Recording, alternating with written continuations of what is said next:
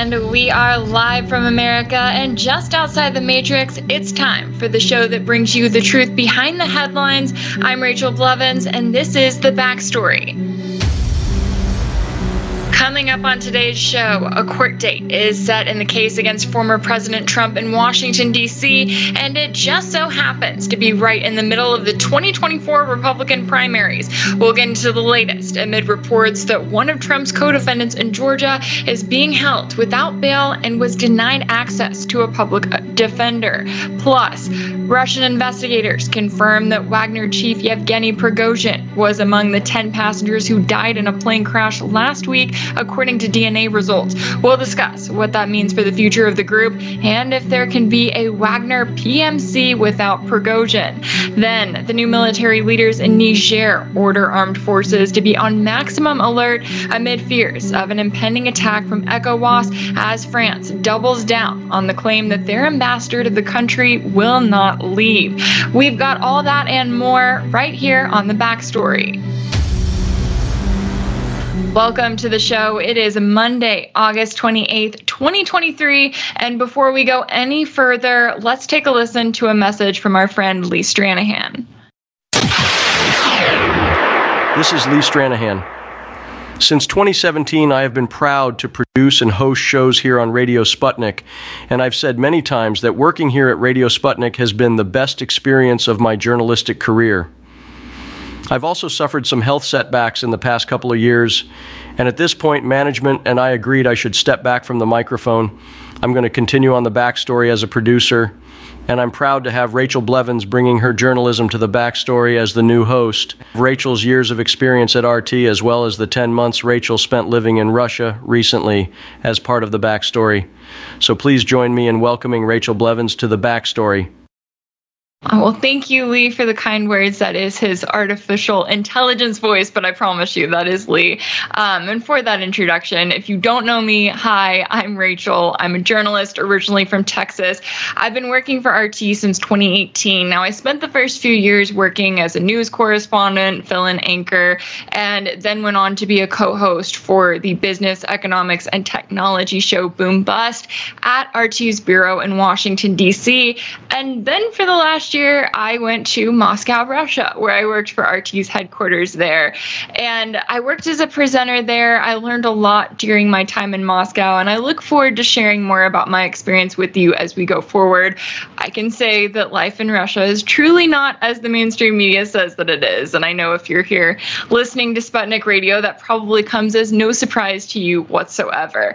Now, I'm back to being based in Austin, Texas, in order to be closer to family, and I'm grateful for the opportunity to get to be here with all of you every day from 4 to 6 p.m. Eastern. Now, moving forward, we plan to continue to tell you all about the stories and angles that the media refuses to talk about with the insight of our guest as we make our way through the latest and everything from foreign policy to politics to censorship to world events, and of course, some media hypocrisy in there too. Now, you will still be hearing from Lee, and I, of course, want to say thank you to all of you for your patience over the last last few weeks and for your continued support. Now let's get into the show. All right, so we begin with a story that no doubt will be in the headlines for months to come, and that is, of course, surrounding former President Donald Trump. He now has a court date set in Washington, D.C. for March 4th, 2024, in the case where he stands accused of conspiring to overturn the 2020 presidential election.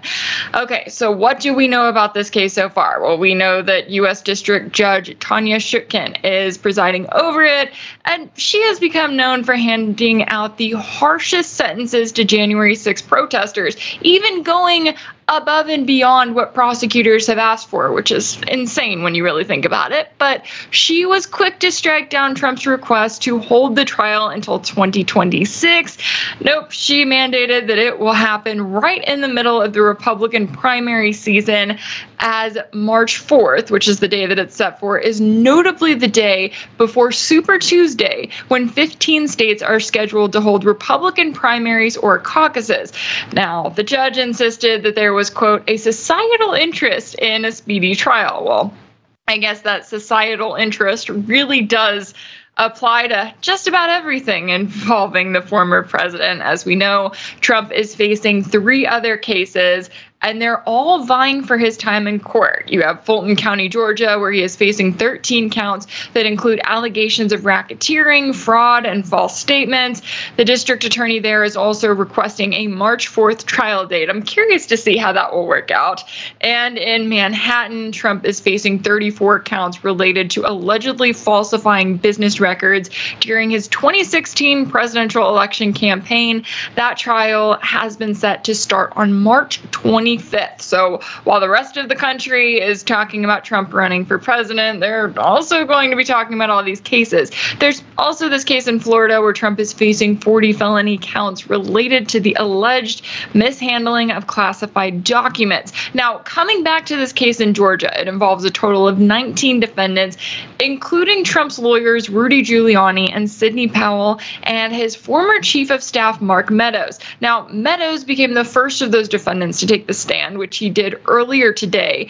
So his lawyers are calling for his prompt removal from the case, arguing that the conduct giving rise to the charges in the indictment was carried out in service to the Trump administration. So they're citing a federal law that allows U.S. officers to remove civil or criminal trials in state court for alleged actions taken, quote unquote, under color of their offices to the U.S. District Court. So, what can we expect from these cases moving forward? Well, we can expect that they are going to get nonstop media coverage. We can also expect that all of the focus is going to continue to be on them and not nearly as much as on the Biden family. And when it comes to the Biden family, we not only have heard a lot about the cases involving them, we're starting to hear more and more from the people involved who weren't previously speaking out. Now, one of those people just happens to be that former prosecutor general from Ukraine who was fired back in 2016. Now, if you remember anything from him at the time, of course, the US, the EU, everyone was quick to say, oh, well, he was let go because he was involved in corruption. Well, now he's speaking out and he's saying, actually, no, he thinks that the Bidens were bribed in order to get him fired because what was he looking into? He was, of course, looking into Burisma, the natural gas company that Joe's son Hunter just happened to be on the board of. Let's take a listen to that clip that we have from the former prosecutor, Shokin. Joe Biden or Hunter Biden got bribes? I do not want to deal in unproven facts, but my firm personal conviction is that yes, this was the case. They were being bribed. The fact that Joe Biden gave away $1 billion in uh, U.S. Uh, money in exchange for my dismissal, my firing, isn't that alone a case of corruption? The New York Times writes on this year's office, Shokin became a symbol of Ukraine's deeply ingrained culture of corruption. Wall Street Journal, something similar. Washington Post, something similar. What do you say to people who say it's you that are corrupt and that Joe Biden did the right thing making sure you were fired? I would appreciate if uh, any of these um, highly uh, respectable publications could come up with a single instance or a single example of uh, my personal corruption or any offense whatsoever uh, allegedly committed by me. All right, now speaking of Ukraine and staying on that topic, there is a lot going on, not just with the ongoing conflict, but also with the fate of Wagner chief Yevgeny Prigozhin. So, to discuss all of that, I'm going to bring in our first guest now, which is international relations and security analyst Mark Sleboda, who is joining us from Moscow. Mark, welcome to the show. It's great to have you on today. Rachel, thanks for having me. It's always an honor and a pleasure to be on the backstory. Great to have you. I know it's getting a little late there, so we appreciate your time. Let's start with the latest, which is that when it comes to the death of Prigozhin, it was confirmed by Russia's investigative committee through DNA testing. In a statement, they said that the identities of all 10 of the deceased have been established and they correspond to the flight list, which we knew that Prigozhin was on the flight list almost immediately. Now we're hearing that his DNA was found. What was your initial reaction to the latest update? Okay, so um, I I think that uh, you know the DNA analysis that the ten people on the planes manifest uh, match up. Uh, so uh, that confirms that Yevgeny Prigozhin, as as far as we know, died on the plane crash.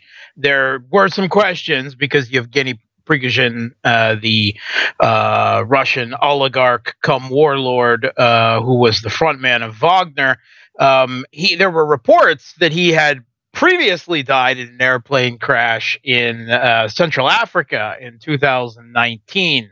Uh, only three days later to show up and to assist with the search for his body. Uh, so um, there there were some lingering questions, and I, I think there are probably a minority hardcore of uh, Wagner uh, fanboys who will continue to deny uh, the, DNA evidence, insists that it's some kind of psyop, or that uh, Yevgeny mm-hmm. has once again faked his own death and is even now on a tropical island with Elvis and Tupac and Biggie Smalls, uh, drinking tropical drinks and constructing the next great rap album to shake the world. Uh, but I think for the rest of us, uh, you know, we can we can put it to bed. Um, but I, it's not just Yevgeny Prigozhin. Uh, Yevgeny Prigozhin, let's make sure his relationship to Wagner, he was the front man and the financier. Uh, not that he paid for it, he got the Russian government to pay for it. He was the connections man. But also on the plane were Dmitry Utkin, who was the actual, the, the ex Russian uh, special forces and military intelligence who was Wagner. In fact, his call sign in the Russian when he served in the Russian military, Wagner was what the name the group was named after. Uh, so uh, his loss is potentially more significant than Prigozhin's. And also on the flight was Wagner's deputy commander, Valery Chekalov, who was regarded as the quote unquote logistical genius who made Wagner's global operations work. And his loss may be even more significant than Utkin's. Uh, so it's kind of a, a, trifecta of losses to Wagner. Their top three uh, figures, uh, in in many ways, uh, uh, all perished in this plane crash, which will you know lead to a lot of suspicions about whether it wasn't an assassination by one of Prigozhin's and Wagner's many, many enemies, domestic or abroad. Uh, so right now, that leaves a power vacuum, and uh, there's there's a lot of good questions about where Wagner goes from here. Right. That's a really good question. And especially when it comes to, you know, you're looking at the fact as you noted there. I mean, you've got someone like Prigozhin who's kind of this larger than life figure. And not only did it get him, but it got the top three people. What has the reaction been like there in Russia? Have you talked to anyone there about how they're feeling about it? I mean, is there a reaction so far to this news? Sure. Um, as as the you know the visual person, the front man of Wagner, um, Prigozhin was regarded as a hero uh, in the country uh, for the long, grinding, six month successful siege of Bakhmut, basically throwing back the entire Kiev regime military, tens of thousands after tens of thousands of reinforcements that Kiev threw into trying to hold the city uh, and and eventually successfully taking it uh, and collapsing that entire uh, defensive line there. Um, but after his ill-fated mutiny march uh, on Moscow, uh, where he attempted to, uh, I mean, as he said, r- remove the defense minister uh, and the uh, general uh, chief of staff of the Russian military, whom he disagreed with the uh, tactics for the SMO with, the strategy of the SMO with. Um, after that, and Putin uh, came out and made statements declaring those involved in the march to be traitors and a betrayal to the motherland. Both Prigozhin's and Wagner's approval ratings in the country dropped dramatically, while Putin's went even higher. Um, so I think that there is a hardcore of Wagner supporters um, who deeply, uh, you know, uh, heroize him still and mourn his death and him and the other top leaders uh, of Wagner. Um, I think there are also many in Russia who see his death as justice served. Uh, that uh, he was a traitor uh, and that he deserved to die in a way that is very reminiscent of the 12 Russian servicemen that his forces shot out of the sky to their deaths um, uh, on uh, his uh, failed mutiny march or, or, protest march, whatever bizarre ideas he had floating around in his egoistic head when he led it. Yeah, bizarre is a good way to put that. And I was actually in Moscow on the day of the attempted mutiny, and that pretty much sums it up. I mean, I remember at the time I'd gone to Red Square and I was kind of just looking around. And you know, you're getting on social media and you're seeing these updates that Wagner forces are literally marching to the capital. And then you're walking around the streets and seeing people shopping and running errands and just kind of living their daily lives. So it is interesting to see just how fast the public perception of them can change and of course how the daily life there is very different than what you see on social media okay so what does that mean for the future of this group i mean when it comes to wagner we're talking about forces across africa and belarus do you think it's possible to have the PMC that we've known without not just Prigozhin, but its top three members. Yeah, I, I think there's definitely going to be some some substantial changes. Uh, what those changes are going to be, we have yet to hear. Um, so even though uh, Prigozhin was the front man and Utkin was the the military leader, Wagner actually operated by a uh, senior military council of its lead uh, military officers. Um, you want to call it some type of uh, military parliamentary body or, or, the like, the military council of Wagner. Uh, and and Utkin was the nominal head of it, but he was still considered, you know, first among equals. Um, so now uh, the military council has not spoken publicly about anything about what happened with regard uh, to the plane crash or uh, about you know what is going to happen with the leadership or direction of Wagner uh, following the crash. They haven't spoken, and that's uh, extremely interesting. There are two top figures uh, within Wagner that most people uh, assume that the leadership uh, question will be between two of them. One of them uh, is Anton Elizarov, uh, whose call sign is Lotus. He's Wagner's most senior leader after the the uh, crash, uh, ex uh, Russian military. He was already in charge of the company's combat and training work. and the other is Andrei Troshev. his call sign is Sedoy, which is the gray hair. Uh, and he's a veteran going back to the um, Russian military veteran going back uh, to the Soviet intervention and Afghanistan. And he was actually sanctioned by the EU several years ago already for being a founding member and executive director of Wagner. Now, Lotus is seen as closer to um, Prigozhin, whereas uh, Gray Hair um, he actually left Wagner when the mutiny happened, or right in the aftermath of it, completely disagreeing with it.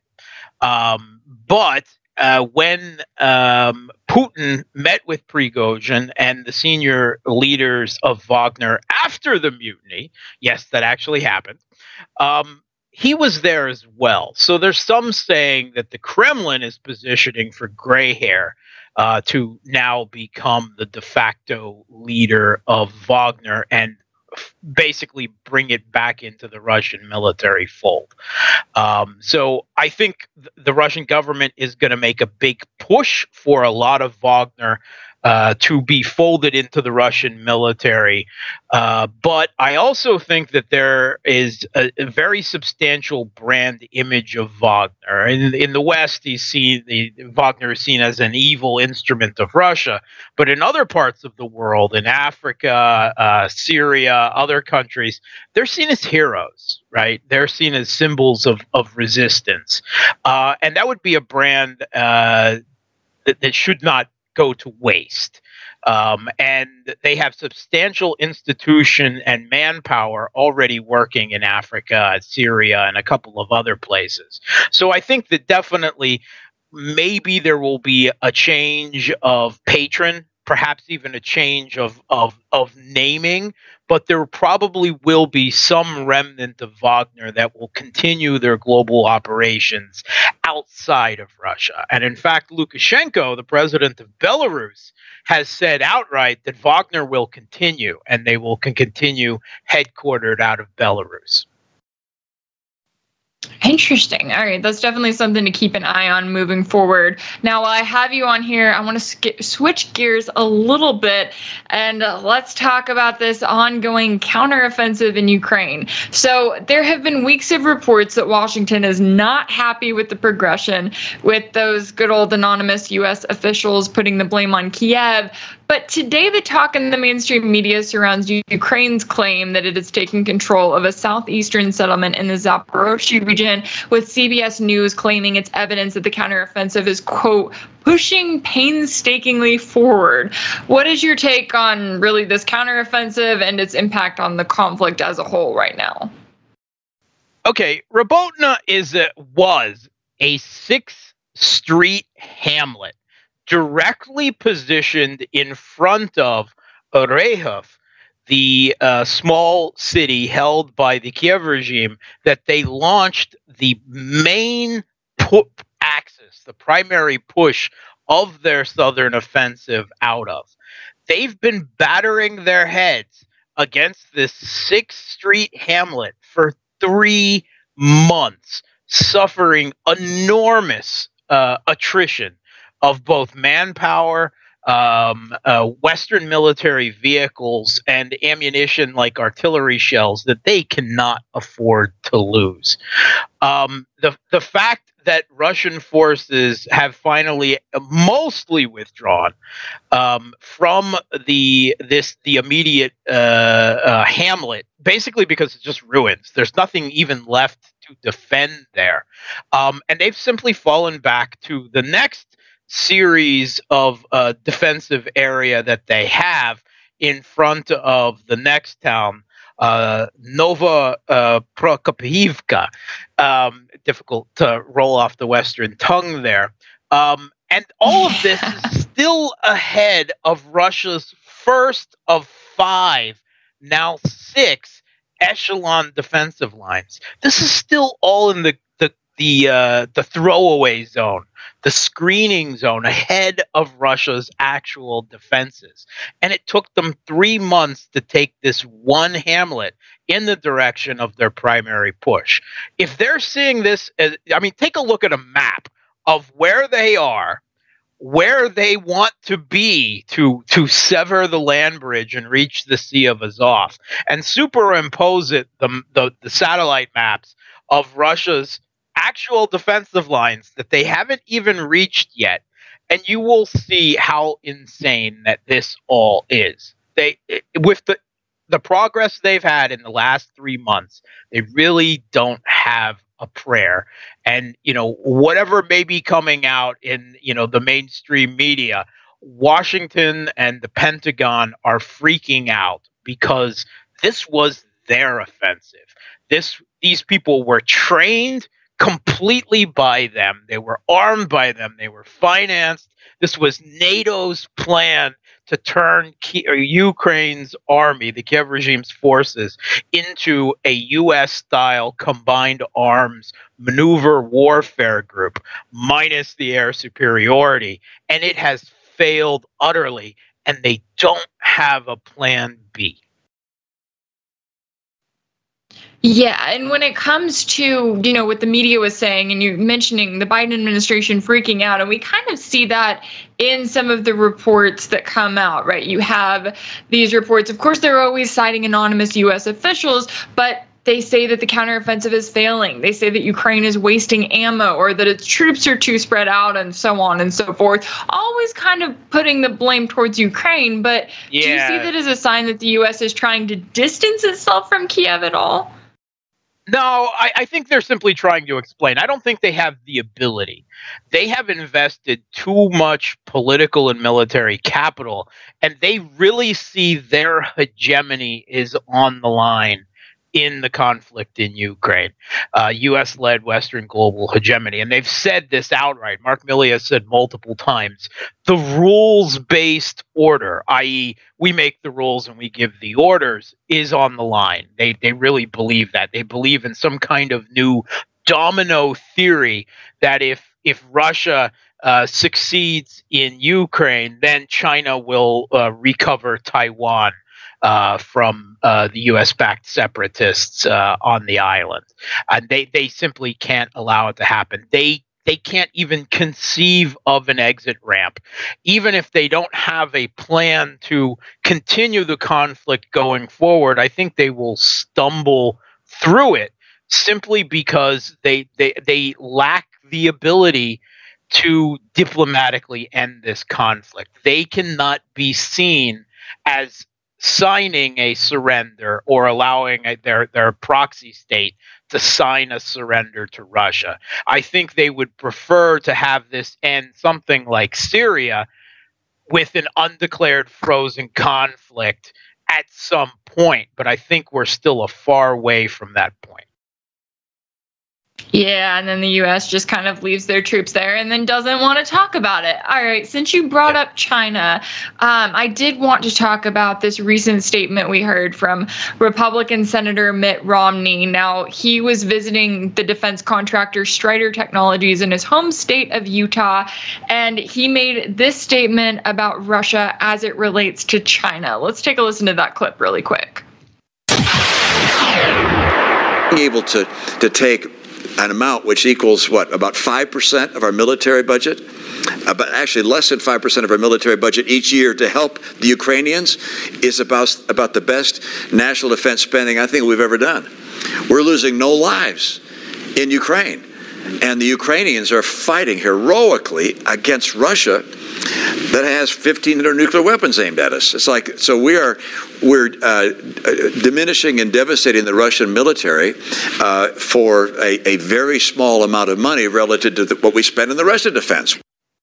All right, Mark, what do you make of that statement that we're losing no lives? Of course, he's talking about American troops, but Ukraine is certainly losing lives right now. What kind of a message does that send coming from a U.S. senator?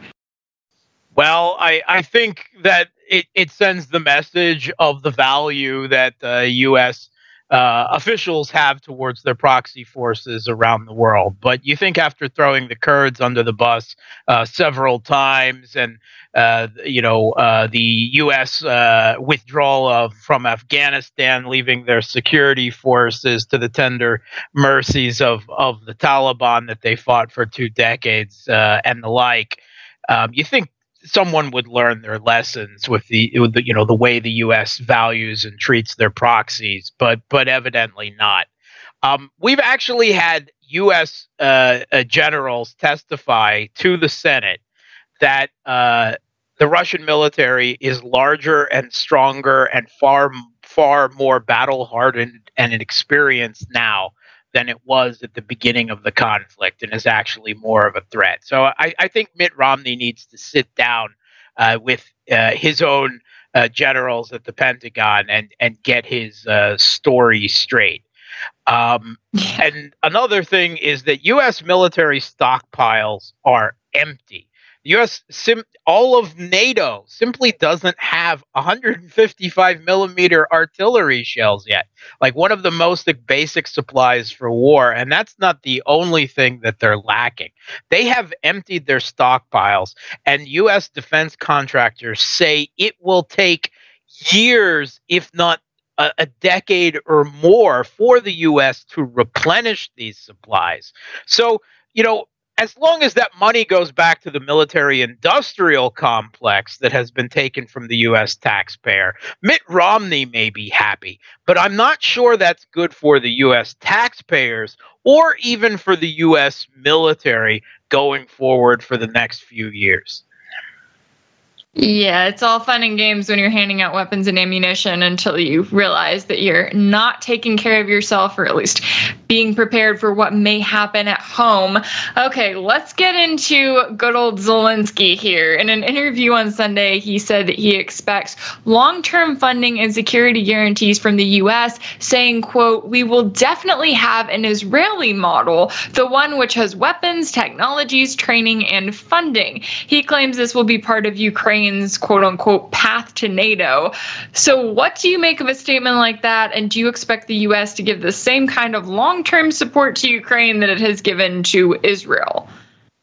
Yeah, this idea of Israeli style security guarantees is is a booby prize, right? It's meant to paper over the fact that US actually isn't going to provide any security guarantees that actually matter. They're saying we're going to give uh, the Kiev regime money and weapons and intelligence and training, which is what they're already doing. So, saying that they're going to continue doing this to some undefined state in the future is is is not really a guarantee of security when they're already still involved in a conflict for a year and a half that it doesn't seem to be going well for them. Um, and uh, we'll see whether the U.S. is actually willing to more or less legally commit on a time frame and a dollar amount to these Israeli style security guarantees, i.e., more of what we're already doing. I very much doubt that though. I think that that um, uh, Zelensky has been presented with, you know, essentially uh, a a a little gold star that uh, you know the a teacher might put on top of your paper that doesn't actually mean anything. Yeah, he is uh, useful for as long as the U.S. establishment decides that he's useful for. All right, I really appreciate your time. Before we go, Lee is chiming in, and he told me to ask you what your or who rather your favorite Russian author is. Oh, my favorite Russian author, uh, classical yes. or modern? Uh, classical Dostoevsky. I mean, uh, Dostoevsky has been my favorite author since I was way too young to read Dostoevsky properly. Um, uh, his notes from the underground are an incredible piece of, of self reflective self loathing. Um, if we're talking a modern Russian author, Victor Pelevin uh, who has done surreal philosophical political works. Uh, he's one of the most uh, pivotal Russian authors today. Alrighty, noted. We've got an answer for Lee, and we've also got recommendations for everyone here to check out. We're going to have to leave it right there, but I genuinely appreciate your time and insight today. International Relations and Security Analyst Mark Sleboda, who joined us from Moscow, thank you so much. Thanks for having me. And it's time now to take a quick break. But when we come back, Washington sends some mixed signals with its Commerce Secretary on a visit to Beijing amid continued tensions between the U.S. and China. And French President Macron says that his country's ambassador to Niger will not comply with orders to leave. You don't want to miss it here on The Backstory.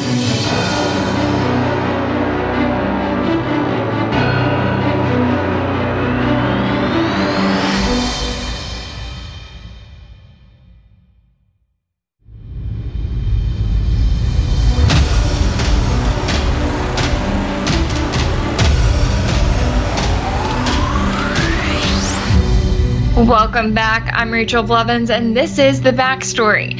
All right, the next story that we're going to get into revolves around U.S. China tensions. And if you've been following along, you know that these tensions have been ongoing for a few years now. And everything that the Trump administration did, the Biden administration has, for the most part, continued and in some cases, really taken it up a notch. So the latest involves the U.S. Commerce Secretary. She is the latest member of the Biden administration to make a trip to Beijing. Now, her name is Gina Raimondo. She's there this week meeting, meeting with Chinese officials and calling for, quote, stable ties. Now, this is also a reminder of one of those cases where it's saying one thing and doing another thing because she preaches things like stable ties, but that's not exactly the message that the Biden administration has been sending out when it comes to its actions. So we also have to remember here that Raimondo has had a hand in aggressively placing Chinese companies on export control lists that limit their access to the quote unquote level playing field that she claims to support. Now, last month, she said that the U.S. needed to protect itself from the competitive threats coming from China. So, what does the US do when they know that they are going to be sending this controversial commerce secretary to Beijing? Well, all of a sudden, the Biden administration starts acting like it at least kind of wants to play nice with Beijing. So last week, just days before Raimondo left for her trip, the Commerce Department's Bureau of Industry and Security announced the removal of 27 Chinese entities from its quote unquote unverified list. Now, this list restricts anyone on it, it restricts their access to exports from the US. The Biden administration also confirmed that it is seeking a six month extension to the 1979 Science and Technology Agreement ahead of its August 27th deadline. Now, the landmark deal was first made when Washington and Beijing normalized diplomatic ties more than 40 years ago, and it has been extended every five years since. Now, five years is the key there because typically it comes to the five year deadline and they extend it for another five. However, in this case, the US is only asking for six months. And that is incredibly notable when it comes to the position that they are putting China in. Now, a spokesperson from the State Department confirmed it, saying, quote, the short term six month extension will keep the agreement in force while we seek authority to undertake negotiations to amend and strengthen the terms of the STA, it does not commit the United States to a longer term extension. So, why would we be in a position where the US is only asking for a six month extension instead of the full five years? And this is a science and technology agreement. So this is not a situation where you would think that the US would be trying to stir up tensions in a way. However, it seems as though by just putting in that, by putting up that extension timeline, seems as though they're trying to send a message with that one. Now, just because the Biden administration is kind of sending these few or at least taking a few steps to try to mend ties. That does not undo what they did back in October of last year when they announced a new set of export controls that were put in place by the Commerce Department, which banned Chinese companies from buying advanced chips and chip making equipment without an approved license. Those rules were just the latest phase in the ongoing U.S. tech war on China. And as is often the case, the US didn't just impose those rules for its companies, but it also threatened its allies into submission with countries like Japan and the Netherlands joining in. So we'll continue to keep an eye on that one as we move forward and as Raimondo's trip goes on. Now I want to switch gears a little bit to focus on the latest from Niger. Now, this is a place where we're also seeing tensions. We're seeing uh, let's say a Western country called France that does not quite want to back down. So, when it comes to the latest in Niger, we're talking about a situation where back on July 26th, there was a government overthrow to remove President Bazoum. Now, he's someone who was well liked by the West. And it's interesting because when you're looking at the statements that we've seen coming from France, you're seeing French President Macron acting as if he does not believe that Bazoum is gone for forever. He is almost kind of hinting that he believes he's going to return to power.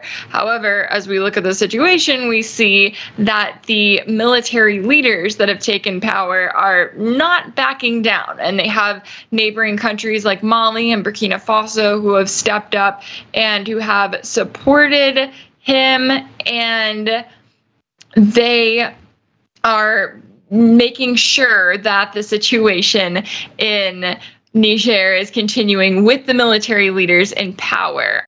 All right, so let's get a little bit more into this story just from what we know, what is being reported. So, the military leaders in Niger came out and they told the French ambassador there that he, that the ambassador rather, needed to leave.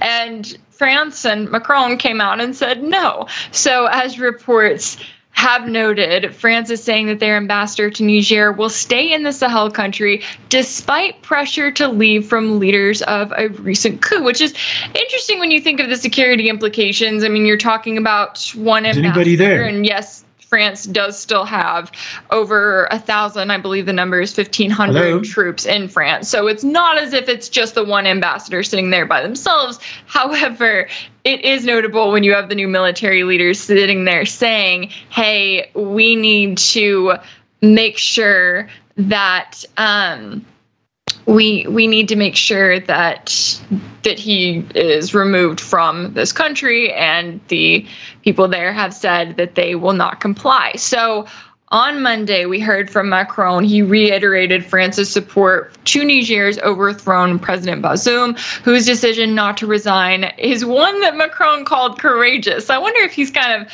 throwing that out there a little bit there, especially when looking at all of the protests we've seen in France, the calls for Macron himself to resign, and he's saying that, well, anyone who doesn't, even if the public is telling them to, is courageous. So, moving forward, um, we got this statement. Macron also said that Paris would continue, would support any military action by the Economic Community of West African States or ECOWAS and Niger. So, Macron is literally saying that he would support them essentially going to war over this situation. Now, he was speaking during a major foreign policy speech to ambassadors gathered in Paris. Macron confirmed that the French envoy was listening in from Niger's capital despite being given a 40 hour dead 48 hour rather deadline to leave the country last Friday.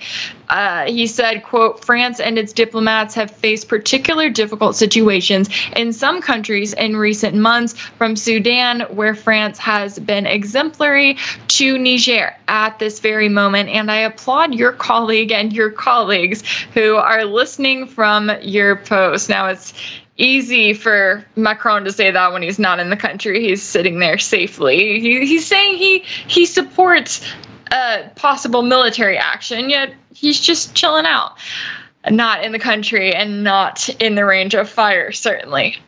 All right, coming back to this Niger story, as a reminder, back on Friday, the country's Ministry of Foreign Affairs announced that the French ambassador had 48 hours to leave, saying that he had refused to meet with the new rulers and citing French government actions that were, quote, contrary to the interest of Niger. So you've got these military leaders that are kind of, in a way, flexing their power, seeing how much they can possibly get away with. Now, Macron insisted that France would not change its position in condemning the coup and offering support to Bazoum, stressing that he had been democratically elected. We know how much the West loves freedom and democracy, and it especially loves leaders in other countries who are pro West.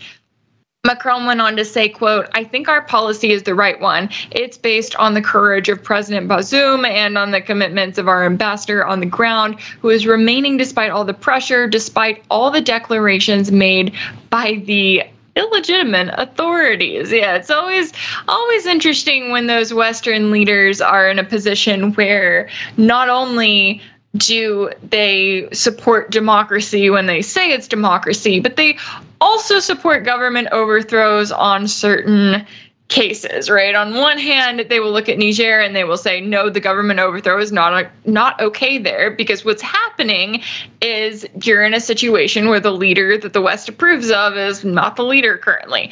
However, they'll look at a situation like Ukraine in 2014 and they will absolutely support a government overthrow there because they view the country as being easier to control when it is thrown into chaos, when they are in a situation where the people are desperate and there are protests in the streets. So it's always important to look at their possible motives as far as all of that is concerned. Now, let's move into a little more what it looks like on when it comes to the other stories that we've heard from Niger. Now, the military leaders there also notably over the weekend, they put their armed forces on maximum alert, citing an increased threat of attack. Who would that threat come from? Well, it would come from ECOWAS. Now, the that West African bloc has been trying to negotiate with the leaders. Let's say negotiate in quotes. This is uh, Al Jazeera's terminology on that one, but as reports have noted,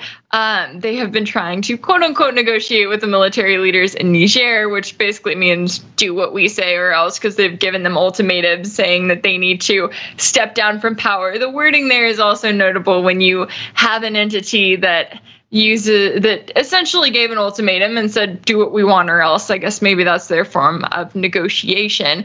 Now as this report also noted an internal document issued by its defense chief that would be Echo ECOWAS was shared widely online on Saturday, said the order I apologize, that was from the military officials in Niger, uh, said that the armed forces needed to be on the highest state of readiness and that it would allow forces to respond adequately in case of any attack and avoid a general surprise. Now, it goes on to say threats of aggression to the national territory are increasingly being felt. ECOWAS, as this report noted, has downplayed this threat and said on Friday that it is determined to bend backwards to accommodate diplomatic efforts, although a military intervention remained one of the options on the table. Now, that terminology comes straight from the United States. They love saying that all options are on the table, and they love saying it when they are threatening military intervention, but they're doing it in kind of a cutesy little way of saying, "Hey, we we want to talk, we want to impose sanctions that will make your people suffer and will make you desperate to do what we want. However, we're going to throw in this term all options are on the table." So it's interesting that you have ECOWAS saying, "Hey, we would love to talk. However, we would only love to talk if you end up doing what we want. We would only love to talk if this goes in the direction that we want it to go in. And so you you have statements like that saying, "Oh, but also we need you to know that military intervention is on the table." Well, when it comes to military intervention, you're talking about the possible start of a conflict that leads to lives being lost and one that doesn't it's it's not easy for them to just intervene and then to just end right there. You're talking about the start of another possible war, in which you have ECOWAS, which is supported by the West, and on the other side you have Niger, which is supported by other countries like like Mali and like Burkina Faso. And that is another one that we have seen when it comes to the articles revolving around this situation. We've also seen talk of other the neighboring nations that are now stepping in and saying that they support the military officials in Niger. Now, countries like Mali and Burkina Faso are ones where we have also seen government overthrows. So they are also under military rule and they are in positions where because those military officials there understand what Niger is going through, they want to support it. They are part of this ongoing movement we've seen, which is against the ongoing Western rule and Western influence that we've seen in Africa for decades, especially across the Sahel region. And one of the things that we continue to hear from people on the ground there, not just from these military officials who take over, but from people on the streets that come out and that protest, they say that they are sick and tired of Western influence in their country. And of course, when you look at countries like the United States and like France and their so called reasoning for why they have over a thousand troops on the ground, for why they have spent millions of dollars on military bases in these countries in West Africa and the Sahel region, they come through and they say, oh, well, we've decided to do all of this because we need to fight the extremists there, right? These offshoots of ISIS and Al Qaeda.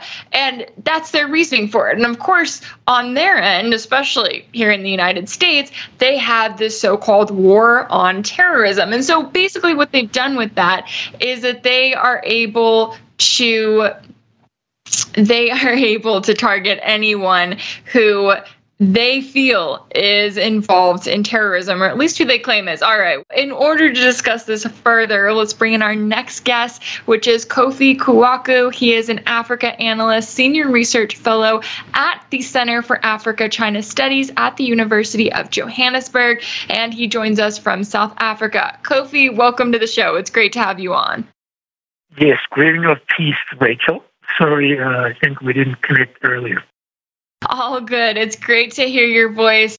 Now, Koffi, let's start out with this response from French President Macron and him saying that the French ambassador will not leave Niger. What do you make of that decision?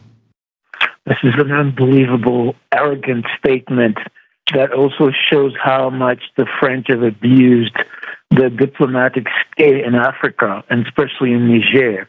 And knowing that Niger, Niger, the, the, the junta may not be able to do anything directly to sort of threaten France, he's issued this thing. And we saw today, this morning, in his hawkish speech in, in Paris today, uh, fist thumping and telling uh, the rest of the world. I think he was also speaking to the rest of the world. He spoke for more than an hour and a 45 or 43 minutes or so. I mean, this statement is really poorly done, and I think it puts him into a corner. I mean, what is it that the French have in Niger that they're protecting, or they they they really want it so bad that they can't leave Niger? I mean, this is really a statement that puts him in a corner. And I think if he doesn't back out, uh, he's going to have to find a way to back out. But I think he's trying to project some kind of strength. But I think it's not really uh, a good way to do it.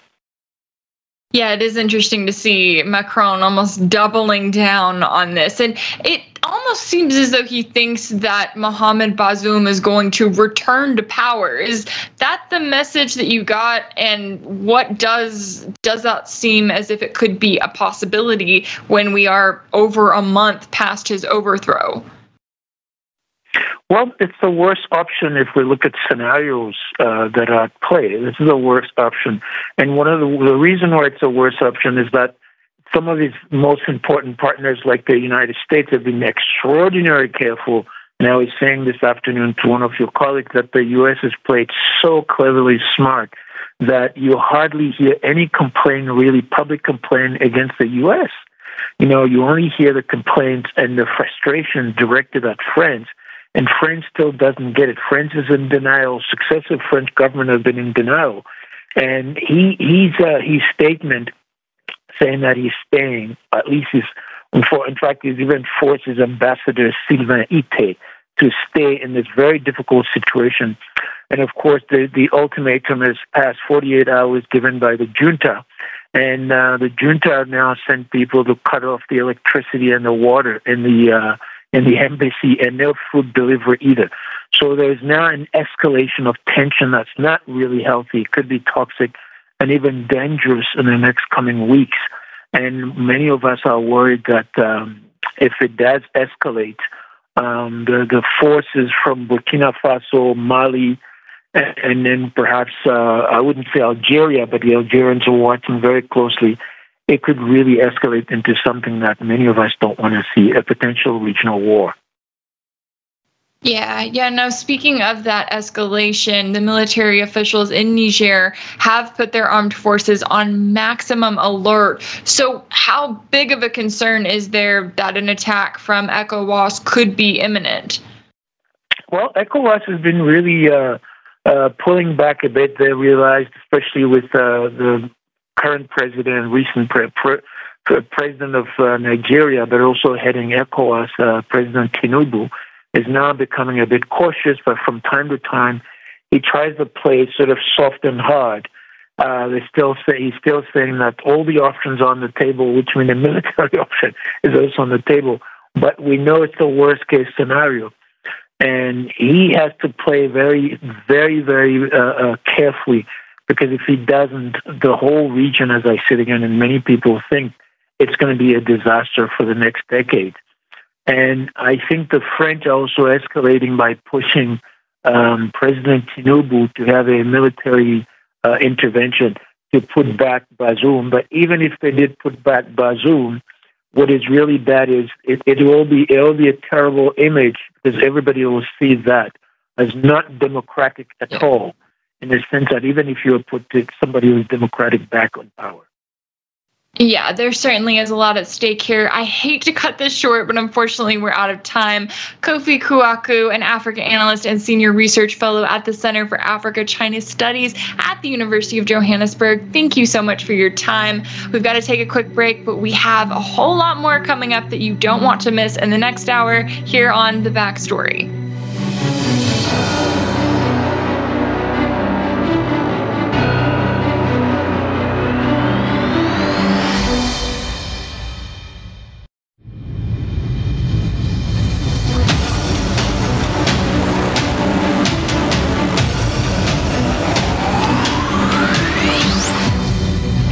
We are live from America and just outside the Matrix. It's time for the second hour of the show that brings you the truth behind the headlines. I'm Rachel Blevins, and this is The Backstory.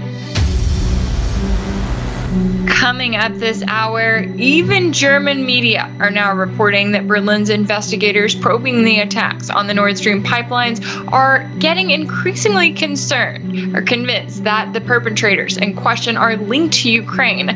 We'll explain why. And we'll get into the reports that one of the 19 co defendants in the case against former President Trump in Georgia has been denied bail and access to a public defender, leading his supporters to raising more than $200,000 and counting. We've got all that and more coming up here on The Backstory. Welcome to this hour of the show. Now, it has been nearly one year since the Nord Stream pipeline stretching from Russia to Germany were attacked nearly one year, if you can believe it. And now the German publication Der Spiegel and state broadcaster ZDF are reporting the German investigators probing the attacks in the Nord Stream pipelines are increasingly convinced that the perpetrators in question are linked to Ukraine. Now, that of course puts them in a very difficult position because they are helping Ukraine. Why would anyone from Ukraine possibly harm them or their vital infrastructure? Now, we'll get into the other claims that have been made surrounding this Nord Stream attack because I know that we also have to keep in mind the investigative reporting coming from Seymour Hersh and the ties that he found that were directly to the United States. So that is not to be forgotten as we go through what is being said when it comes to this particular situation and this reporting. This is just kind of the latest that we're getting in relation to this story. So, reports have noted that according to this report, those familiar with the probe consider the clues pointing to Ukraine to be particularly convincing and adding that there is no reliable evidence that would suggest Russia was responsible.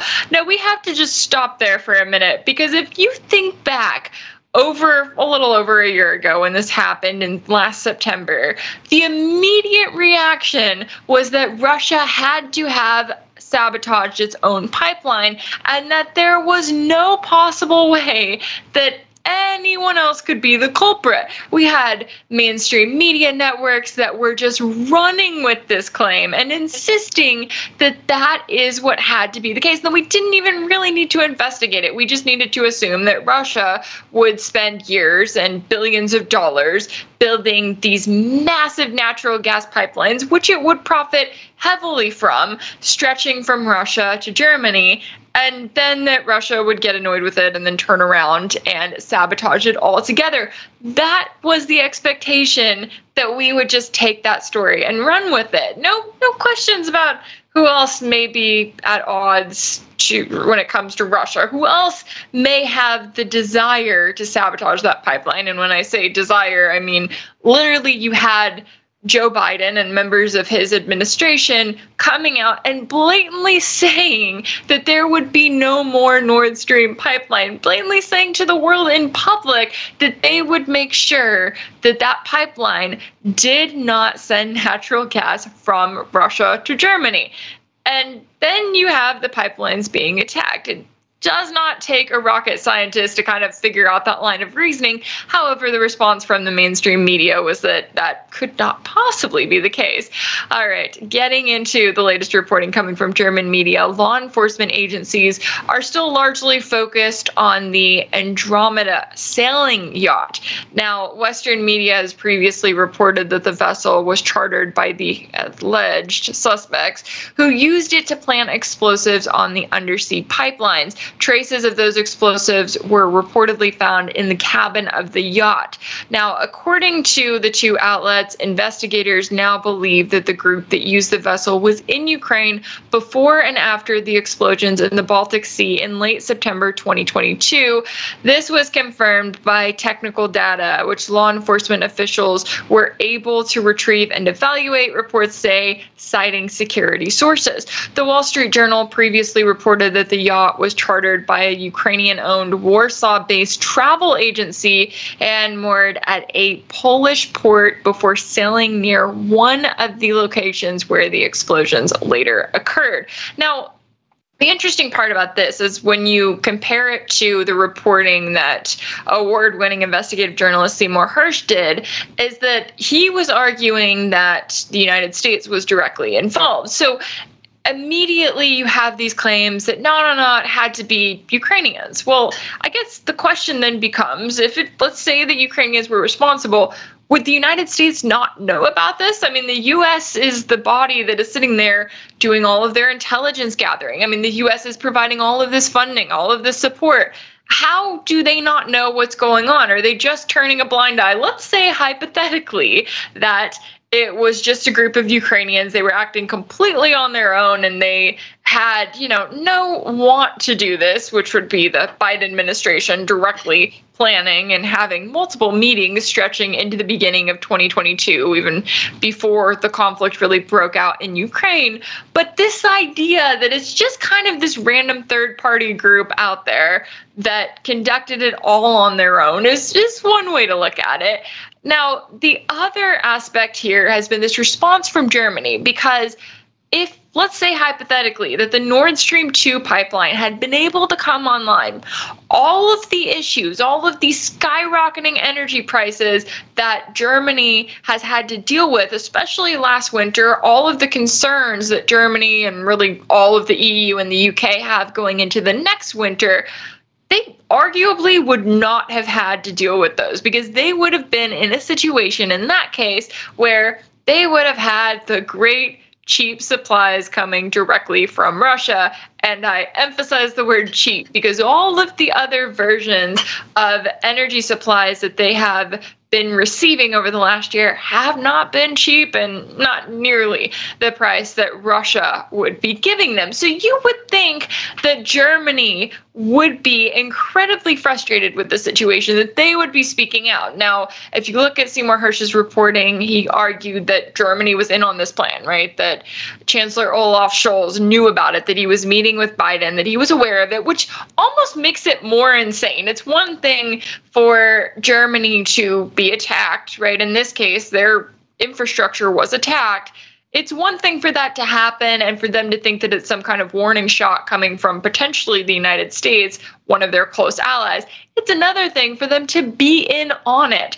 So, what are we hearing from German officials? Well, according to reports, Germany's top security official says that she hopes prosecutors will find sufficient evidence to indict whomever carried out that attack on the Nord Stream pipelines last year. So, as a reminder, those explosions happened on September 26th of 2022, and who was responsible for the sabotage, which added to the tensions over the war in Ukraine as European countries move to wean themselves off of Russian energy sources remains a mystery. Now, that's specifically according according to the Associated Press. They haven't been as quick to take a line on this one as others like the New York Times, the Washington Post, they have all been speaking out about it a lot more. Now, Germany, Sweden, and Denmark have investigated the attack, though they have been very tight lipped about their findings.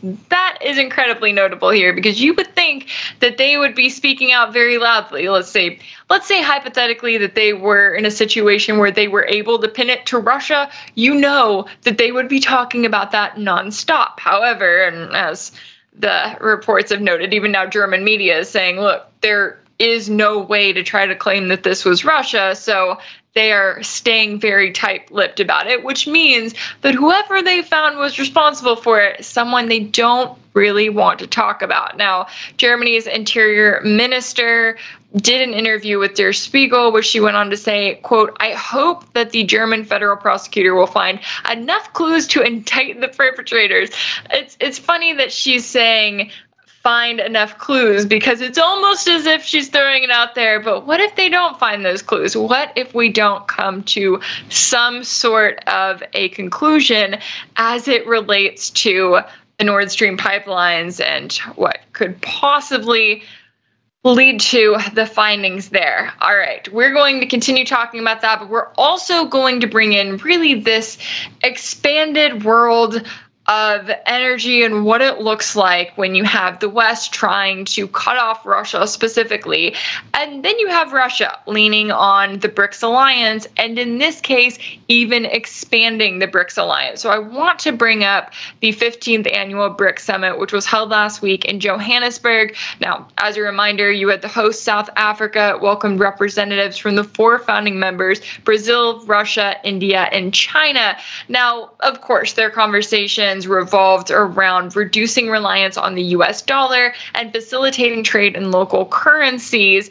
But they also announced that they were going to add six new members. We're talking about Argentina, Egypt, Ethiopia, Iran, Saudi Arabia, and the UAE. Now, they are set to become part of BRICS in January of next year, and they're just a handful of the more than 40 countries that have expressed interest in joining the group. So, what does that mean for the world of energy moving forward, especially now that we're talking about how the world has been changed by the implementation of these new sanctions against Russia, how it has been changed by the sabotage of the Nord Stream pipelines. Well, according to data from Infotech News, once the group has expanded with those six new members, the new version of BRICS will account for nearly half of the world's oil production and reserves. It's one of many ways that BRICS is trying to give the group of seven specifically a run for its money in the years to come. So, to discuss all of this, let's bring in our next guest. David Tawil. He is the CEO of ProChain Capital. David, it's great to have you on the show today. No, thank you, Rachel. Good to be back. Let's start off with the latest when it comes to this BRIC summit. Were you surprised to see Saudi Arabia and the UAE among the countries that are planning to join the alliance in 2024? Uh, I think those are important ads. I think the other countries are maybe even dilutive uh, of of the effect of adding Saudi and UAE. Um, but those those two ads uh, clearly bring, I'd say, import to it. And you know, I, I have a whole host of kind of questions that get that are automatically raised by bringing those two in relative to the United States um, in terms of how we work things out. What's our posture uh, in the U.S. vis-a-vis uh, the BRICS? Um, you know, in the future, um, based on the fact that they've now added these two countries. Yeah, now when it comes to really what this means for the OPEC plus alliance moving forward, I mean, we're talking about control of nearly half of the world's oil supply. We're already in a position where the two countries, specifically Russia and Saudi Arabia, have really had a major influence on oil output. And the Biden administration has not been happy about that. We've seen Joe Biden try to push back against that, try to call on Saudi Arabia specifically, and the Saudi kingdom has not budged. So, what do you make of kind of the message that's being sent from Saudi Arabia by saying, hey, not only are we going to be OPEC plus allies with Russia, but now we're going to literally join the BRICS alliance, which means that arguably they are cementing those ties even further. So um, it's it's really important um, in terms of these countries. Um, there's a couple of things that that, uh, that people that are watching uh, need to keep in mind. Look, w- we know that eventually we will get to peak oil uh, in the world, right? We, we expect that at some point, and there are lots of different predictions in terms of when the world will use its maximum, will be in the, you know, at a point where it's using its maximum oil. And because of electrification and other alternative energy sources, um, at, we will then go on um, a downtrend uh, worldwide in terms of our oil usage. Um, th- these countries are positioning themselves, I think, appropriately at the right time to go ahead and exert their influence to drive a bigger agenda item, which is they don't like the fact that the US dollar is far and away the world's reserve currency and that the US dollar controls, in particular, you know, petroleum uh, around the world in terms of denomination and you know quoted prices and selling prices. And I, I think that these countries coming together to do this at this point um, is is a forceful move uh, on the one hand, and if they can go ahead and and get some real, um, you know, I'd say not not just you know showing up at a conference and not just pledges, but some activity um, I think it'll go a long way. Now, I, I think listeners need to keep in mind certainly the United States is not going to go down on this, you know, without a fight, right? And, and, and, as a U.S. citizen, I actually think that that's a good thing for the United States, right? I mean, in the U.S., we have no congressional agreement on anything. Um, we have leadership that flip flops uh, every couple of years and has real no real direction. Certainly, as it comes, it it relates to a lot of foreign policy issues and a lot of these countries that are now part of the BRICS consortium. And the U.S.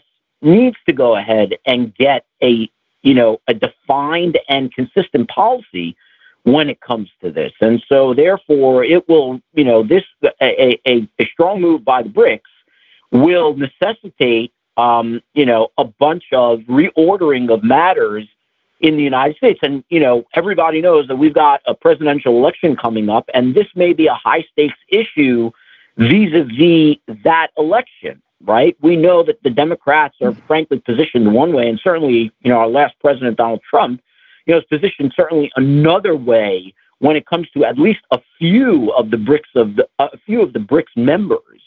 Um, and that's really important. And um, look, I, I, I, I think the last point that I'll make is the knock-on effects. Look, I'm an I'm an investor. uh, ProChain Capital is is for purposes of full disclosure, um, you know, a, a fund that goes ahead and invests in all aspects of the cryptocurrency world. And for cryptocurrency, mm-hmm. I actually think that the BRICS, the rise of BRICS, is actually a great thing. Um, we're getting down to fewer and fewer currencies that are viable in the world right? You've got the U.S. dollar, you've got the euro, you've got, you know, the Chinese yuan, um, and I think that the world does need um, stateless currency like cryptocurrency uh, because of the need for alternatives. You know, you mentioned that Argentina has been asked to go ahead and join the BRICS. And in fact, the, the candidate that won the primary elections in Argentina um, just a couple weeks ago, Javier Milei uh, is a total libertarian. It was a, it was a shock that he came out with the highest number or highest percentage of votes, and he is it, part of his platform is to go ahead and dissolve the Argentine peso and to dollarize his country's economy. And not that he's going to become such a great friend of the United States. Um, it's just simply that it is easier to run his economy. And frankly, he wants to go ahead and dissolve his central bank as well. Those are very radical moves. They couldn't happen immediately. Uh, but, you know, like El Salvador, uh, which no longer has its own currency and runs on the US dollar, so too um, you know, they, they want to do the same thing in Argentina. And, um, you know, that just shows you that there are less, less and less viable currencies in the world. And so, therefore, the need for stateless currency like cryptocurrency, uh, like Bitcoin, is, is very important.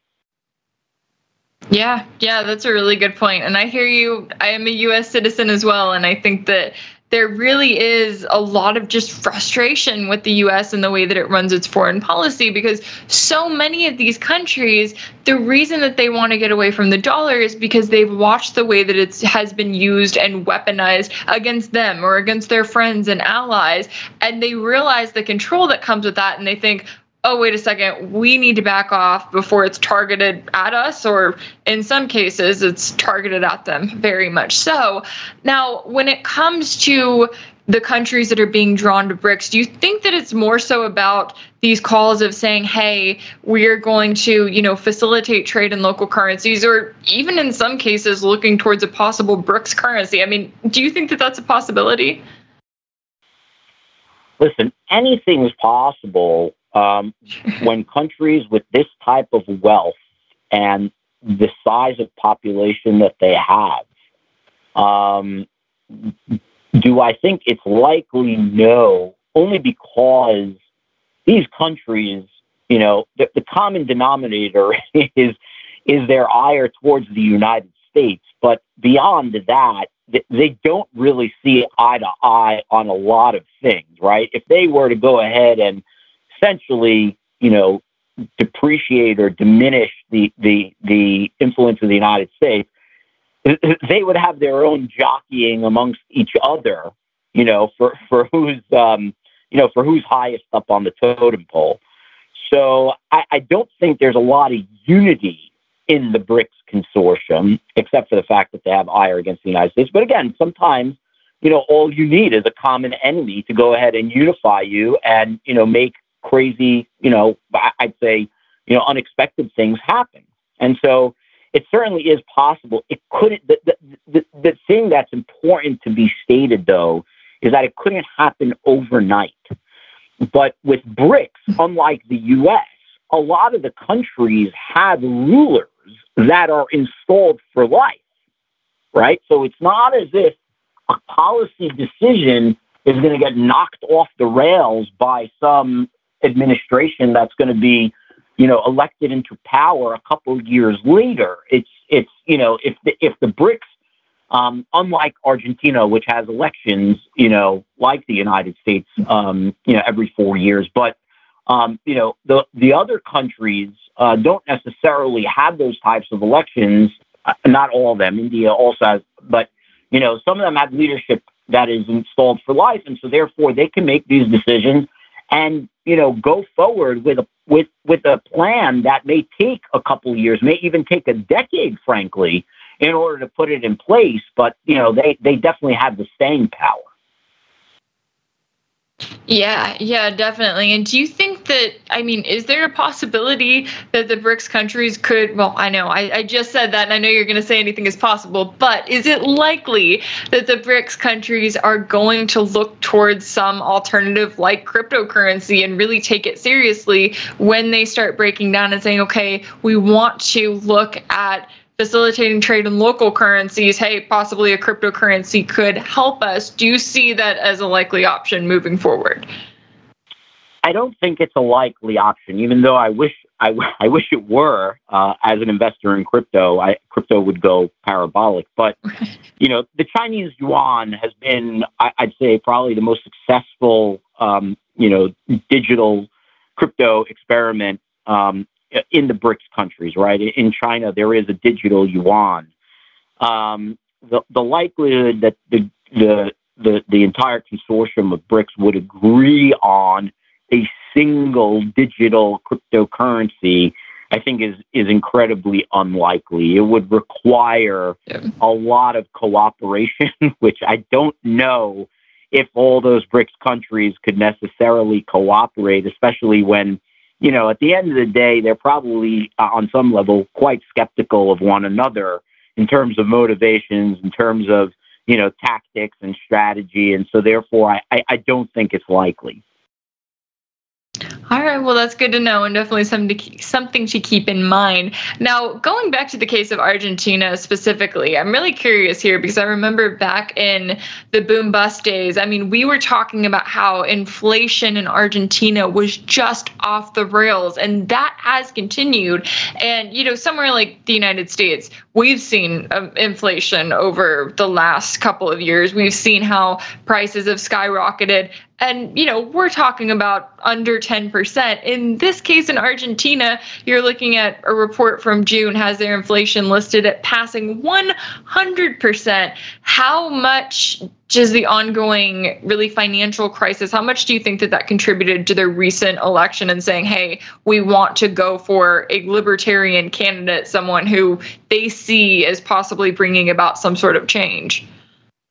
Yeah, so they're really frustrated um, in Argentina because the current government um, is largely uh, a traditional, uh, you know, party line. Uh, Cristina Kirchner, uh, which essentially the Kirchners took the mantle of Peronism, um, which you know was the, the ruling, controlling, you know, philosophy, political philosophy in the country since World War II, right? Evita Peron, Don't Cry for Me, Argentina, so on and so forth. And, um, you know, the, the Kirchners took that over. Cristina Kirchner is the current vice president um, to uh, Alberto Fernandez, who is the president, but he essentially is her pawn in, in, in many senses. And clearly things have not worked out um, during his uh, leadership, even though the prior leadership, um, a guy by the name of um, oh, I forget his name. I apologize. If it comes to me, I'll, I'll say it. But in any event, um, so I, I think there's a lot of frustration with the historical ruling party in the country. And so, therefore, yes, there was a very swift and radical and unpredicted reaction in terms of voting for this libertarian. The, the, the policies of Javier Milei, the libertarian that won in, in the primaries, if his policies were to be instituted um, at any time within a, a, short period of time after his election, I, I believe that it would debilitate the country. The country is so socialist. The percentage of the country that is either on welfare or works for the government um, just enormous. And if the if the country radically all of a sudden went libertarian went small government, disbanded their, their central bank, dollarized uh, the, po- the abject poverty in the country that would ensue would be even so much greater than it is right now. The, the one thing Argentina does not have, um, it, it, it, certainly in contrast to a lot of its neighbors, is any social unrest right? They have avoided that over the last, frankly, number of decades.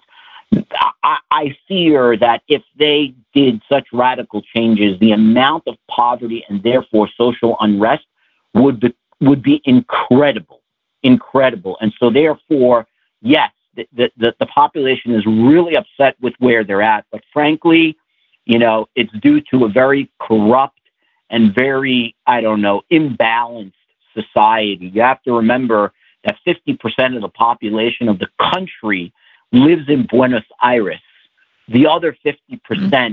is spread out over the rest of the country. And so it's a ve- it's very much a tale of two cities in terms of the way the country functions. And I don't know if there's really a good solution to that. Yeah, yeah. And that's why I appreciate having you on because I know you can talk about a little bit of everything. Now, let's bring it right back around to the ongoing energy situation when we're looking at Europe specifically, we know that, you know, this time last year, there were all of these warnings about energy crisis and how that is going to play out. Now we're in a position where a lot of the reporting on it kind of says, oh, well, you know, the EU and the UK, they did okay, but there is just almost this domino effect of if this happens and that happens and everything is going to crumble. Now you've got German officials saying that, well, at least some German officials saying that they think the Nord Stream pipeline should be repaired and brought back online. What do you make of just this whole situation as we're still talking about the Nord Stream pipelines, talking about that sabotage nearly one year later, and the effect that it that the pipelines and their supplies could have had for Europe. What do you make of the situation that they're currently in?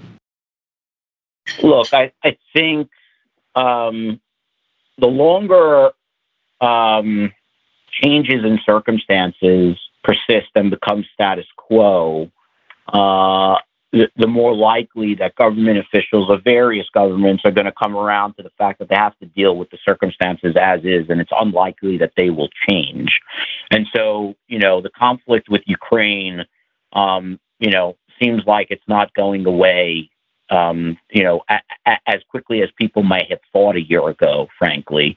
And um, it, it, it, it certainly there was, you know, a heightened level of concern. Remember that last winter was certainly not as cold um, as people were scared it was going to be, and therefore the natural gas usage was not as high, um, you know, as it could have been or may have been feared. Um, it all depends. We'll hear the chatter start again, you know, when cold weather starts to hit, if it does. Again, remember, we also have climate change issues, and, you know, people are now more concerned about the fact that there's no air conditioner and air conditioning, you know, across Western Europe because they never needed it before. And then right now, they're concerned about the upcoming winter and the lack of natural gas to go ahead and heat homes. So I think, you know, you got to wait, you got to wait a couple of months until the cold snap happens. And then people will start to talk again about the natural gas problem and about heating. And then we will see once again how people are going to deal with it. And like you indicated, they may very well deal with it very differently this winter than they did last winter because it seems like things with respect to Russia, Ukraine, the pipeline, and so on are not going to change are not going to revert as quickly as once as people once may have thought. And so therefore they may have to come up with alternate solutions. We'll see. Yeah, it'll certainly be interesting to see how the winter progresses and what the consequences are of all of those policies that were put in place across both Europe and the United States. We're going to have to leave it right there. David Tawil, CEO of ProChain Capital, I always appreciate your time and insight. Thanks so much for joining us. Thanks, Rachel. And it's time now for a quick break, but when we come back, more than $200,000 has been raised for the only co defendant in the Georgia state case against former President Trump to be denied bail. And we'll, of course, get into the scheduling of the four trials that Trump is facing. You don't want to miss it right here on The Backstory.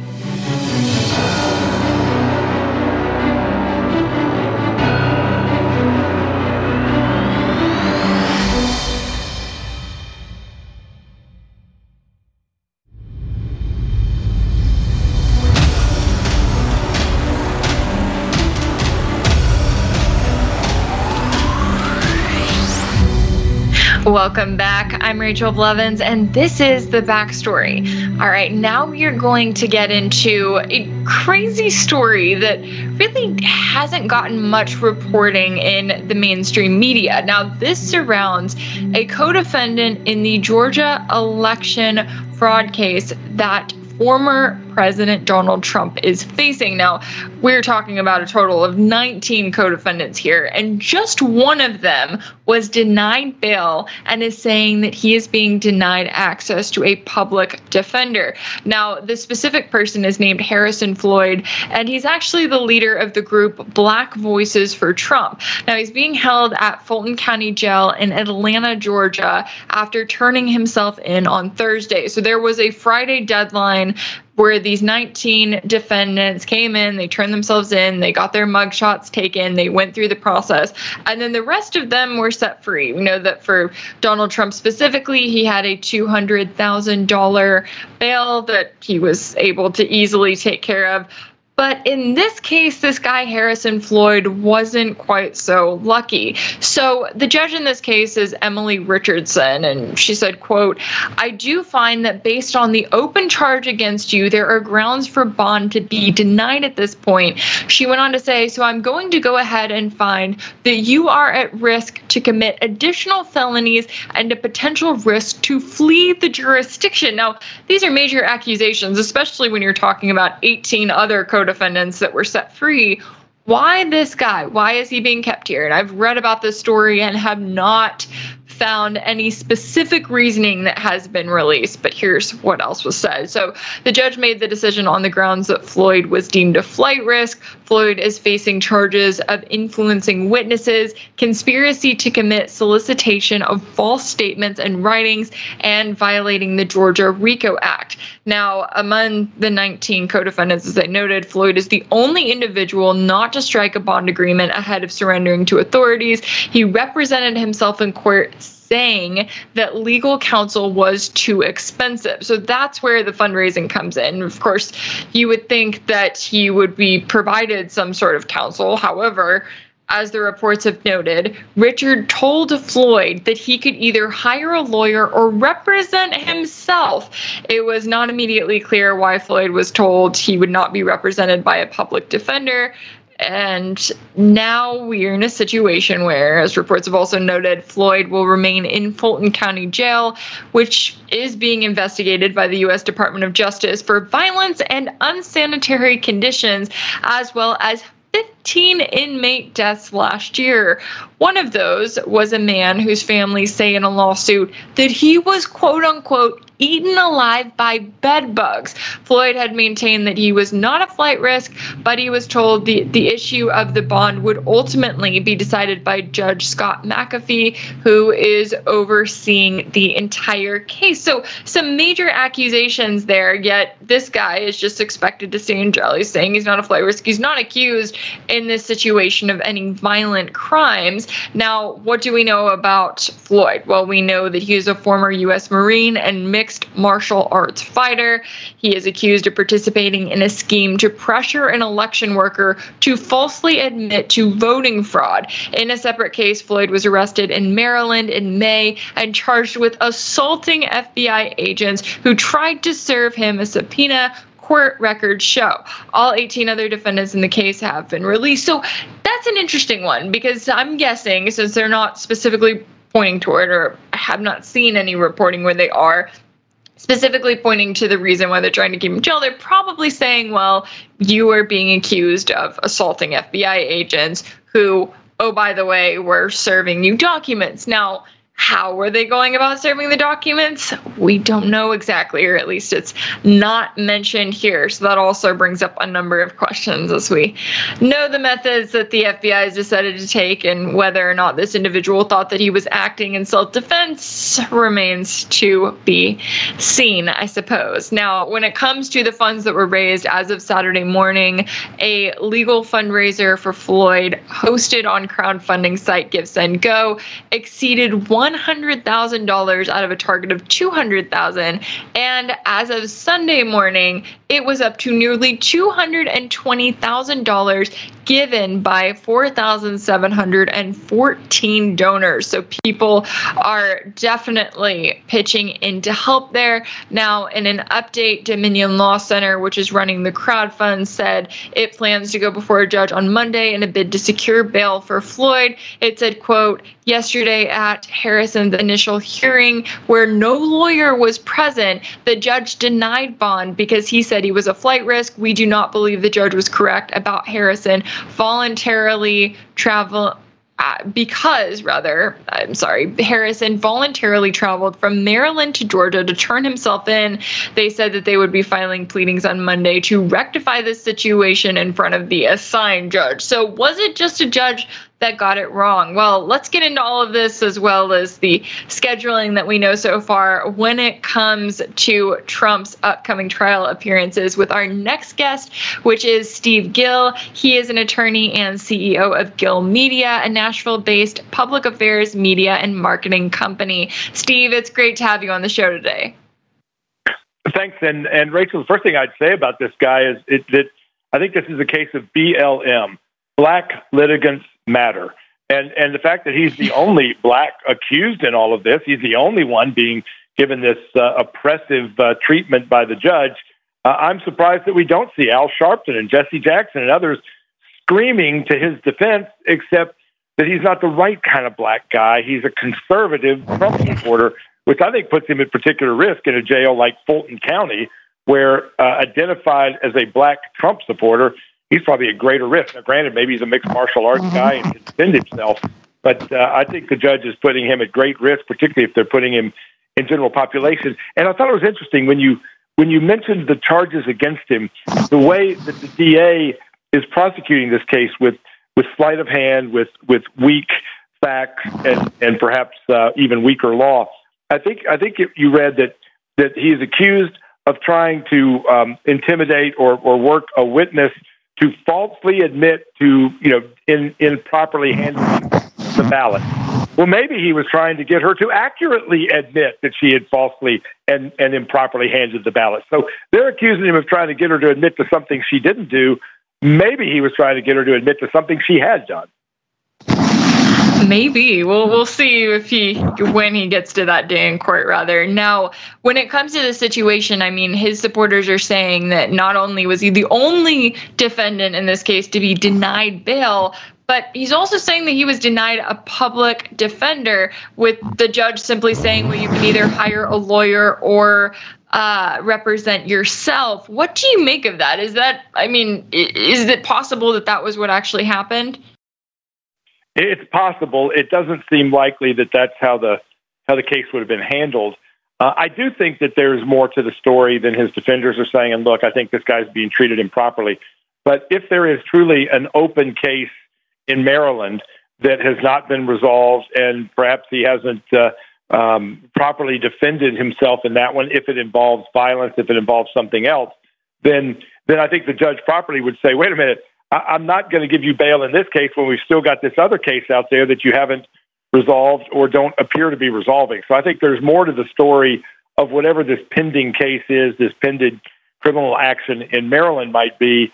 And I'm frankly surprised that the media hasn't delved deeper into that to, uh, or that the judge uh, hasn't made that more clear in why uh, uh he's being held because of this open case. You know, and again, there is a flight risk. He's from another state. He came to to Georgia to participate in these events and then went back home to Maryland. But but that flight risk alone wouldn't justify it, I think, unless there's something more of this underlying out of state case that has the judge having some concerns. Yeah, and it does make me wonder too. The judge that was over it, and now the his supporters are saying, "Okay, we're going to actually turn to the presiding judge." Do you expect it to be pretty much the new judge comes in and sets it right and allows him to be set free on bond, or do you think that there's a possibility that they could double down on it uh, even though it has gotten enough attention to raise him over two hundred thousand dollars.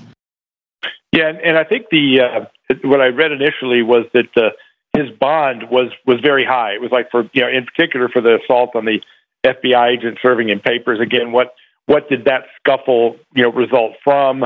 You know, did he believe they were FBI agents? You know, and, and right now with the credibility of the FBI, you know, having been shredded on on multiple fronts. You know, if the FBI showed up at my door, I'd I'd want to make sure it was them. I'd say, stay out here. I'm going to call uh, and and try to find out if you all are legitimate FBI agents or whether I'm about to be taken in a car ride like the mafia used to do, and we'll never show up where we're going. I think it, the, the old FBI, you might have given them some credibility.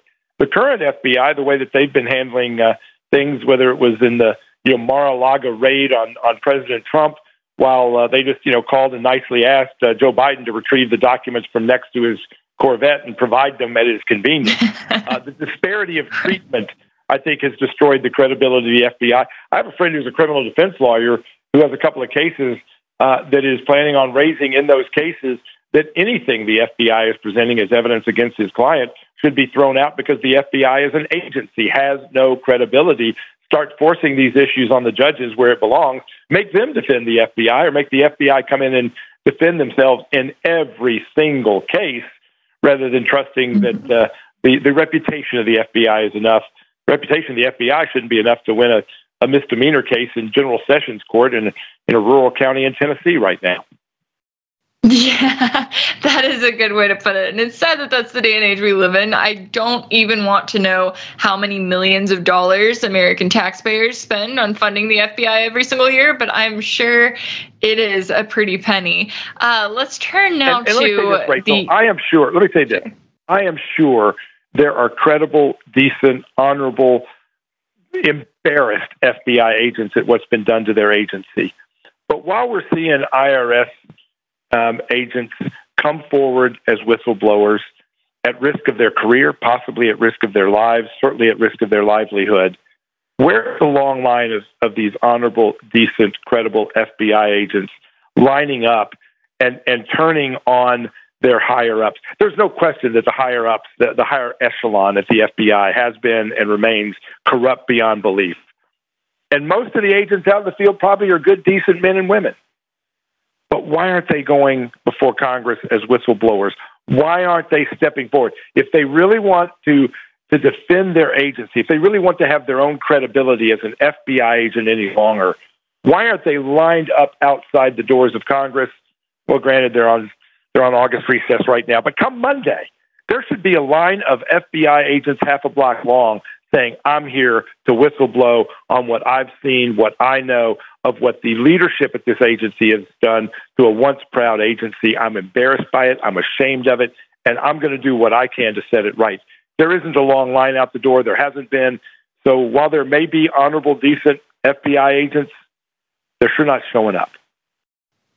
Yeah, yeah, certainly not right now. That doesn't mean that they won't in the future, but that, of course, remains to be seen. While I have you on, I do want to turn to the multiple, multiple cases against former President Trump. Um, when it comes to the scheduling of the trials, we know that the case in D.C. specifically is under a judge who is notorious for going after January 6 protesters and giving them the harshest sentences possible. Now she's taking Trump's request for a 2026 trial and turning it into a March 4th, 2024 trial. Of course, right before Super Tuesday, a very important week for Republican primaries. So, what do you make of the at least this date and the date so far that we have when it comes to Trump's impending trials? I don't think any of these uh, scheduled trial dates hold.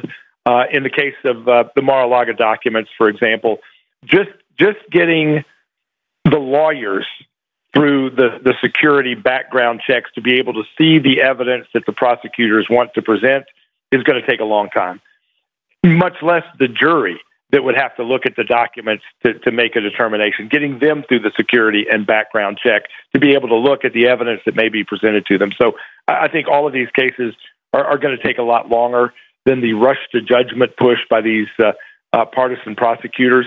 I think in the case of, um, I think the Georgia case, there's something like 11 million documents.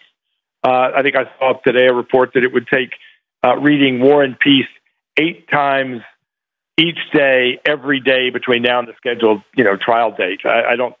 I, first of all, you'd have it by memory after the first couple of weeks, but but that you know the the amount of documents. There's something like ten thousand uh, hours of video uh, related to the January 6th so-called insurrection, uh, incitement. Uh, by the way, Jack Smith did not indict Donald Trump for either insurrection or incitement. He just talks about it in press conferences like that's part of the indictment. It's not included. So if it's if it's what they say he did, then indict him for it. If it's not, quit talking about it. Uh, but the bottom line is there's 10,000 hours of videotape. Is that going to be all reviewed in time for these uh, quick rush to judgment trial dates? Uh, I don't think any of these trial dates hold. And I think as you move up the ladder of real judges at the Court of Appeal level, looking at the facts, looking at the evidence, you know, most of these things I don't think will ever get to trial. That's interesting. Well, you know that the media will be talking about it nonstop anyway. They they don't need a trial. They just need uh, uh, they they need Trump and they need any sort of information that they can possibly use against him. They and when you look at the mainstream, what they wanted, Rachel, they finally got what they wanted: the mugshot. They tried to get it in New York. Yeah. They tried to get it in D.C. They finally got it in Atlanta, and he raised seven and a half million dollars in 48 hours. Uh, the mugshot's now on T-shirts and mugs, and my favorite, the uh, uh, the mug shots. I mean, the shot glasses with his mug on it. I think the mug shot is the best that's, that's out there right now.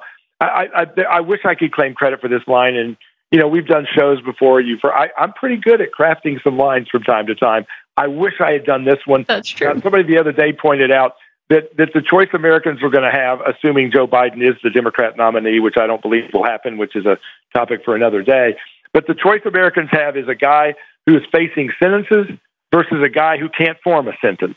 I wish I'd come up with that one because it sums it up perfectly. you'll you'll have to find the person who did come up with that and let them know that they are stealing your lines because that sounds like a Steve Gill line if ever I've heard one. You know, when it comes to the mainstream coverage, they, I've seen these reports where they say, you know, all of these indictments, all of this legal trouble, it's going to make it so that Americans don't want to support Donald Trump. They're so concerned about, you know, all of the legal troubles that he may be facing and how that would take away from him, you know, having a second term and that sort of thing. Yet, as you mentioned, he raised over $7 million in funding after that mugshot was released and everyone ran with it. So, do you think it's possible that the American people are concerned enough to not vote for him? Or do you think we're still kind of in that situation where the people that are going to vote for him are going to vote anyway, and those that are definitely not are definitely not? I think it's still hanging in the balance. Uh, you know, when you look at the polls, Donald Trump has a huge lead over his Republican rivals. But keep in mind that even in those polls, he's polling 42, 48%, which means 58 to 52% of Republicans aren't convinced yet.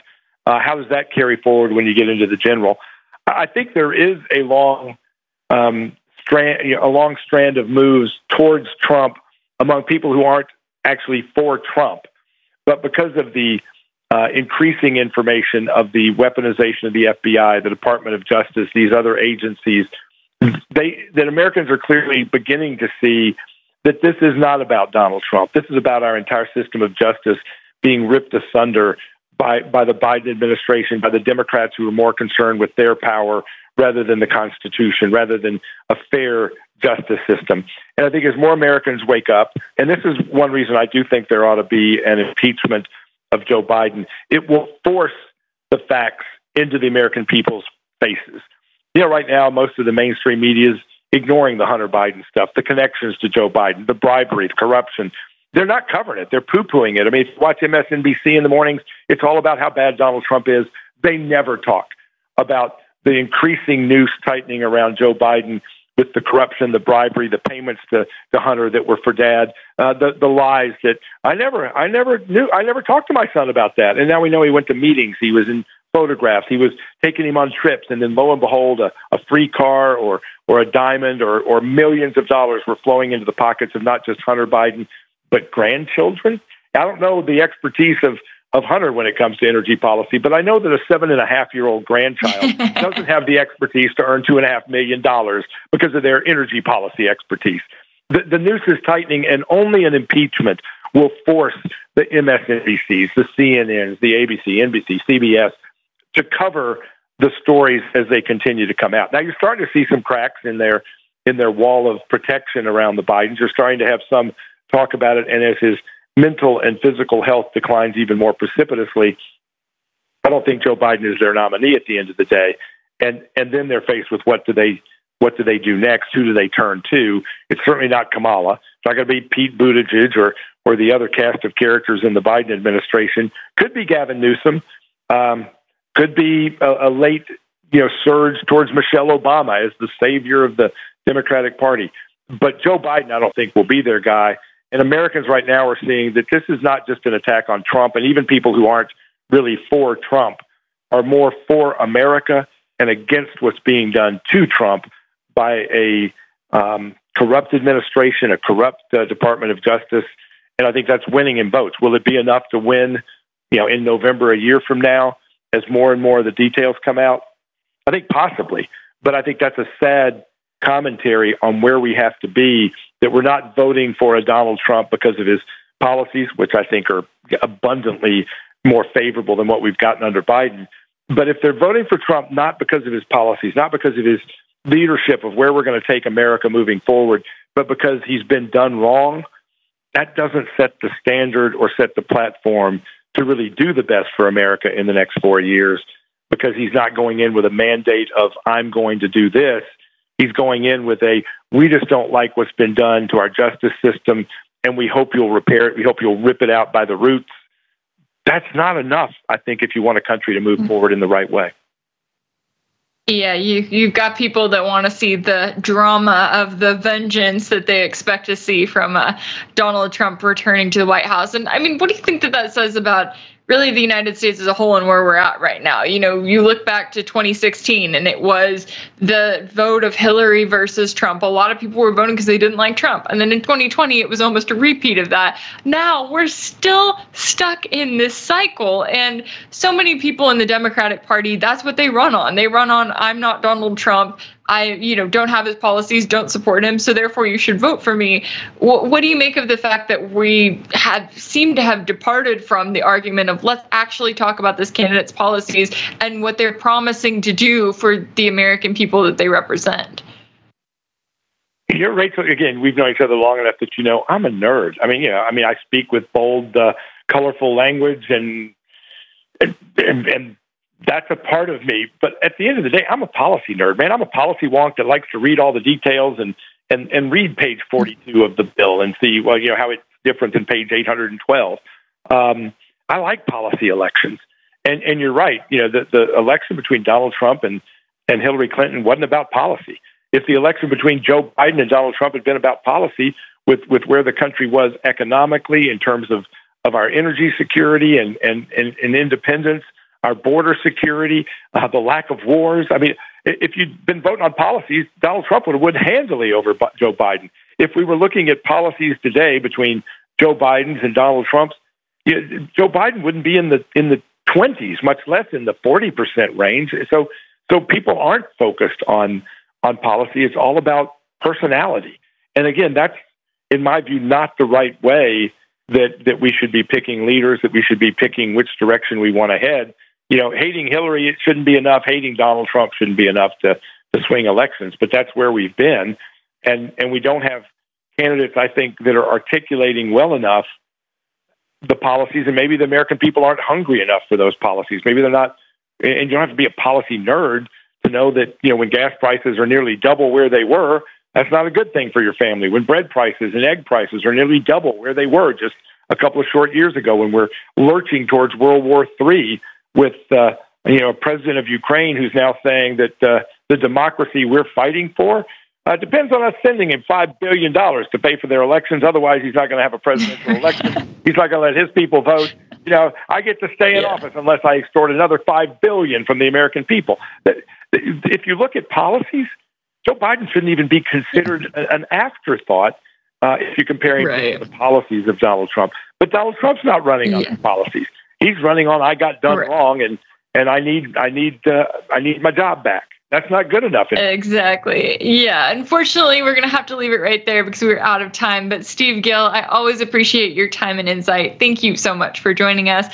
That's all for today's show. Be sure that you're following the backstory on Rumble. You can also follow my channel on Rumble, and I'm on Twitter and Telegram at Rach Blevins. Thank you to today's guest and to our production staff and our control room over in DC for making this show possible. And of course, thank you to you for listening. We'll see you right back here tomorrow tomorrow on The Backstory.